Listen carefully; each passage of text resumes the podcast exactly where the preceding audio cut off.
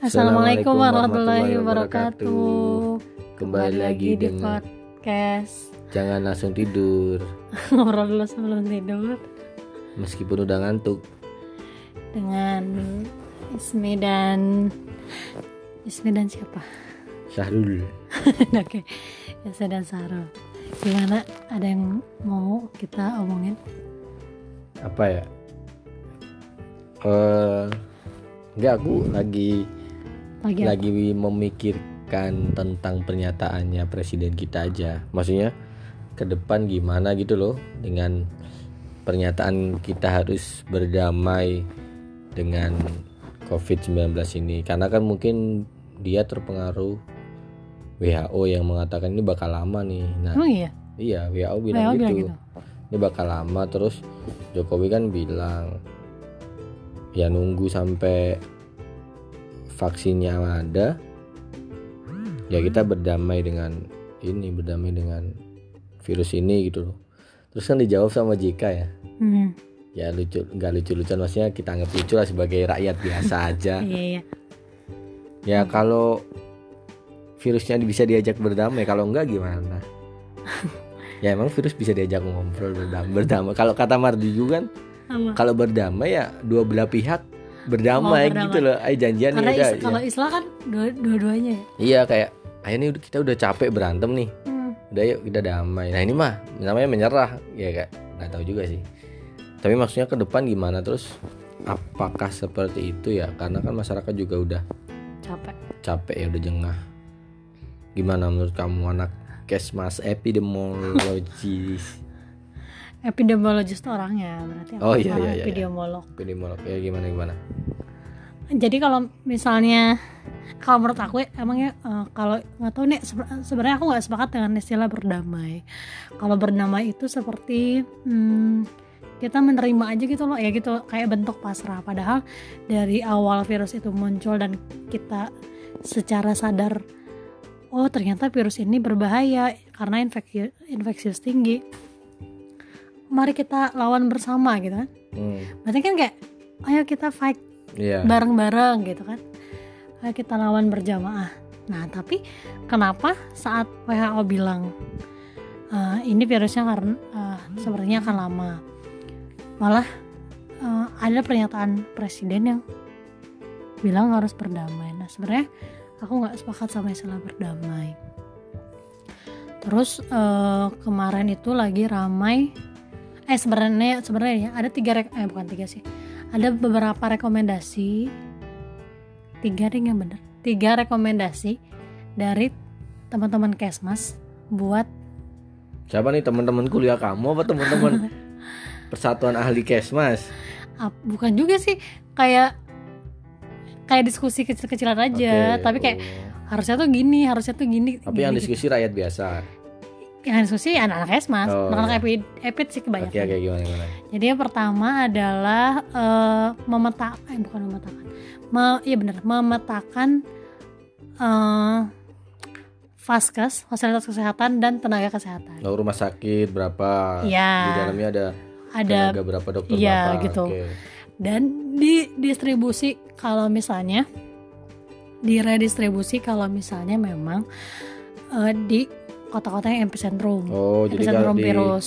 contoh nih di eh, di kota mana dikit terus didistribusikan ke Surabaya yang Iya. merah Jakarta Atau Bandung, oh, iya. itu nggak dilakuin ya sama itu ya orang-orang ya orang atas atas bawah nggak tahu mungkin tapi kan mungkin di daerah-daerah juga perlu karena beberapa rumah sakit di daerah ternyata ada yang tutup pelayanannya gara-gara sih tenaga eh kesehatannya. Di Surabaya. Itu kemarin dapat berita dari ibu ya. Apa? Rumah sakit jiwa loh dipakai buat ngurusin covid karena udah nggak cukup rumah sakit umumnya. Rumah sakit jiwa. Jadi besok alumni covid itu uh, yang udah sehatnya. Iya.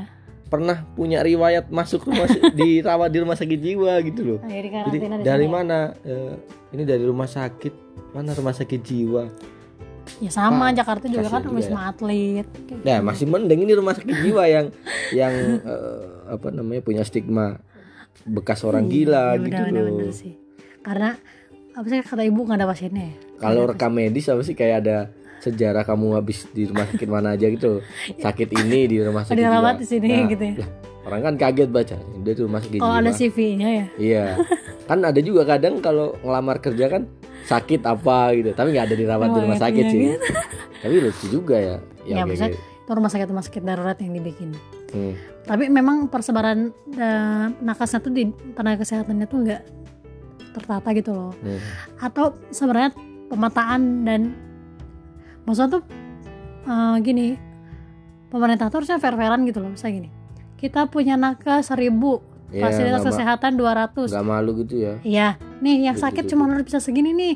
Kalau lebih dari ini kita nggak nanganin ya, udah. iya Jangan-jangan kita nanti jadi, jadi kayak Itali. Jadi kalau misalnya kalau Italia adalah memprioritaskan orang yang bisa sembuh. Kalau dikiranya nggak bisa sembuh, udah dia nggak diobatin. oh udah mati aja gitu Ya ah, terserah ya udah orang nggak bisa disembuhin juga. Hmm. Saya ada orang gagal nafas, ah ini mah meninggal ya udah, udah nggak diurusin lagi. Gitu. Nah jangan sampai kayak gitu. Terus rekomendasi kedua. Kedua. Keduanya itu oh ya memastikan ketersediaan. Memastikan ketersediaan? Memastikan ketersediaan obat dan alat alat kesehatan. Ya jadi karena kita kemarin sempat langka kan? Sempat langka alat pelindung diri sempat langka obat sempat langka pokoknya emang berpengaruh banyak sih sama halnya di rumah sakitku juga. Padahal rumah sakit itu kan nggak rujukan ya karena nggak mau nggak mau jadi rujukan. Terus eh, tapi tetap menerima pasien covid akhirnya eh, efeknya adalah memang barang-barang rutin yang biasa ada tuh jadi susah kayak handscoon jadi Hmm. susah masker jadi dijatah terus kayak alat pelindung diri lainnya tuh kayak dijatah. Nah itu tuh harusnya pemerintah menyediakan memastikan menyedia ketersediaan alat tersebut karena atau agar tidak terjadi kelangkaan atau malah angkanya harganya meluap. Ya kayak di Singapura itu apa? tentara sama polisi apa ya? Cuma tentara aja ya? Apa? Disuruh ini kerja bakti apa ya? Kerja ya kerja bakti di pabrik masker ini. Jadi ada pabrik masker nih. Hmm. supaya produksinya semakin banyak eh, militer-militer ini disuruh jadi buruh gitu loh. Oh jadi Iya. mereka bikin itu? Bukannya bikin rap- masker. napi itu mah bukan. Kalau di Singapura nggak tahu kalau di mana. Dia itu daripada polisi banyak ini ya maksudnya Ngapa- banyak yang nganggur militer banyak yang nganggur daripada kita minta tolong yang lah maksudnya kita beli mahal ya harusnya kan pemerintah memberikan gratis atau murah lah ya. Iya Ini kalau-. Capek-capek kita nyuruh polisi tidur nih kalau polisi biasa nggak mau sama militer. Polisi tidur bikin masker? Iya ini sang- Susah. itu, itu saking capeknya harusnya oh kan iya iya iya. gitu loh daripada iya. Ya NKRI nih bos. Katanya mem- membela NKRI Nah, ya itu jadi memastikan hal itu. Terus yang ketiga? Yang ketiga membuat kebijakan yang mudah direplikasi sama eh, pemerintah daerah. Jadi hari ini kan eh, siapa sih yang bilang kalau pemerintah daerah tuh nyari panggung gitu loh? Karena dia bikin terobosan A B C D E, oh iya gitu. iya. Pa- ya karena pemerintah pusat dinilai lama dan lamban sedangkan virus ini cukup ya jadi akhirnya inisiatif pemerintah daerah tuh cepet gitu loh beberapa pemerintah daerah ya. Khususnya Jawa Tengah terus Jawa Barat. Tapi emang momen-momen kayak gini tuh jadi panggung buat mereka gitu. Loh ya maksudnya wah ini ya. ada permasalahan. Bencanamu adalah DKI anugerahku. iya, apalagi DKI kan disoroti bah, disoroti sekali. Tapi maksudnya saya eh saya lah saya. Aku aku tuh jadi eh, maksudnya keren tapi bener pemerintah daerah tuh konsisten dan keren banget. Kayak Ganjar bikin eh, kampung apa sih? Kampung apa sih yang apa sih? ini yang yang kampung kampung karantina Iya, kampung gitu. karantina. iya terus ada yang pakai kem perkemahan juga gitu Iya, terus kayak Anies bikin eh, tempat karantina sendiri-sendiri karena menyadari di Jakarta tuh satu rumah bisa berapa keluarga kayak gitu loh. Terus Jawa Barat bisa bikin masker sendiri, bisa bikin rapid test sendiri, yang kayak gitu-gitu lah. Itu kayak Surabaya Bu Risma Bu Risma bikin rumah sakit jiwa karantina. Ya kayak gitu. ayo Bu Risma semangat. Kamu idola rakyat Surabaya lu. Gitu. Terus aku tuh paling kesel ya orang-orang ngomongin herd immunity, herd Herd, Herd, iya, herd. herd immunity. Imunitas hati ya. Bukan. HRD Iya. HRD ya. Tahu imunitas kelompok. Jadi nah aku tuh dulu di kuliah EPIT ya herd immunity tuh untuk penyakit tertentu yang ada vaksinnya setahu aku gitu. Jadi kalau misalnya nah du- kamu pernah vaksin apa dulu pas saya kecil? Nggak tahu pokoknya disuntik. Iya disuntik. sakit gitu iya gitu kan. Ikut aja. Dulu kan ada vaksin polio ya. Ya terus kolera Hmm. terus eh, vaksin hepat hepatitis TBC juga TBC. aku. Emang Tahil Bitakurofa di Muhammadiyah di sekolahku Muhammadiyah ada ah, vaksin itu. Iya kayak gitu. Ya ya terus? Maksudnya? Nah kalau misalnya vaksin itu eh, ada nah bisa mencapai herd immunity. Tapi setiap penyakit itu beda-beda. Nah kalau covid ini kan belum tahu nih orang tuh herd immunity-nya tuh berapa sih? Tapi rata-ratanya sih 70 sampai 80 pokoknya enam- lebih dari 60% sampai 95% jadi kalau kalau kata Tirto Tirto bilang kalau kita pakai konsep herd immunity yang meninggal bisa 16 juta orang gitu. Nah, Inggris tuh sempat mau pakai herd immunity ya. Jadi kamu tahu sih herd immunity apa? ya setauku pokoknya semua orang nanti kena eh gimana sih setengah dari populasi kena Hmm, ya enggak, 60 sampai 95% harus kena dulu. oh Harus kena dan dipastikan selamat. oh. Baru kekebalannya terbentuk. Lah ini Amerika Serikat satu baru 2% masyarakat yang terkena yang meninggal udah 40 ribu. Kalau Indonesia harus kena 95% nih misalnya karena tiap penyakit kan beda-beda ya. Hmm. atau 60% ya harus berapa orang lagi gitu. Dan, Dan- pas kes kita nggak sih ya pasti nah itu.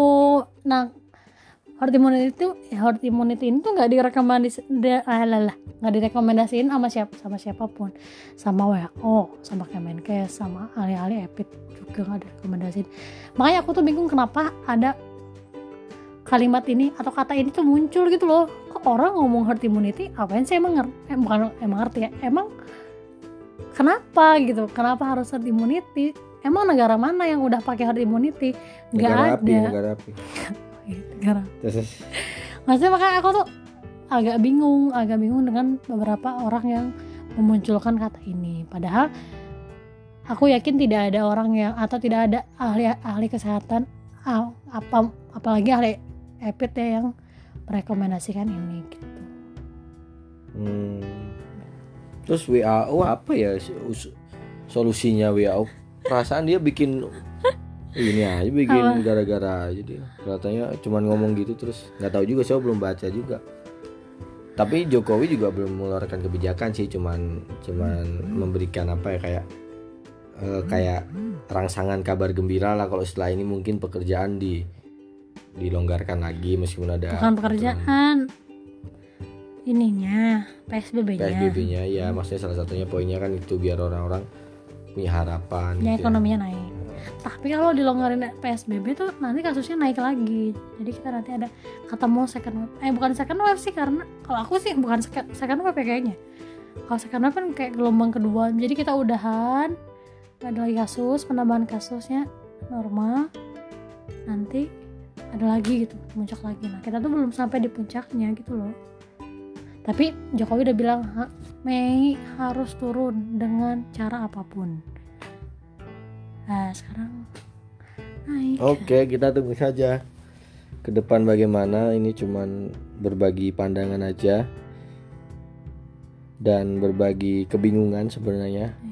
Ya karena sudah berapa bulan kita melakukan ini, apalagi kemarin ada yang ke bandara rame-rame, ke mall. Aduh, udah itu mah bingung ngomentarinya. ya buat teman-teman yang tetap istiqomah PSBB tetap istiqomah menjaga aturan. Dan ya udah. nggak usah iri lah. Ya udah biarin kita harus bersabar ya. oke begitu ya udah gitu aja. Bisa kembali lagi kayak di episode besok. Bersama kami. Podcast jangan langsung tidur. Ngobrol dulu sebelum tidur. Meskipun udah ngantuk. Assalamualaikum warahmatullahi wabarakatuh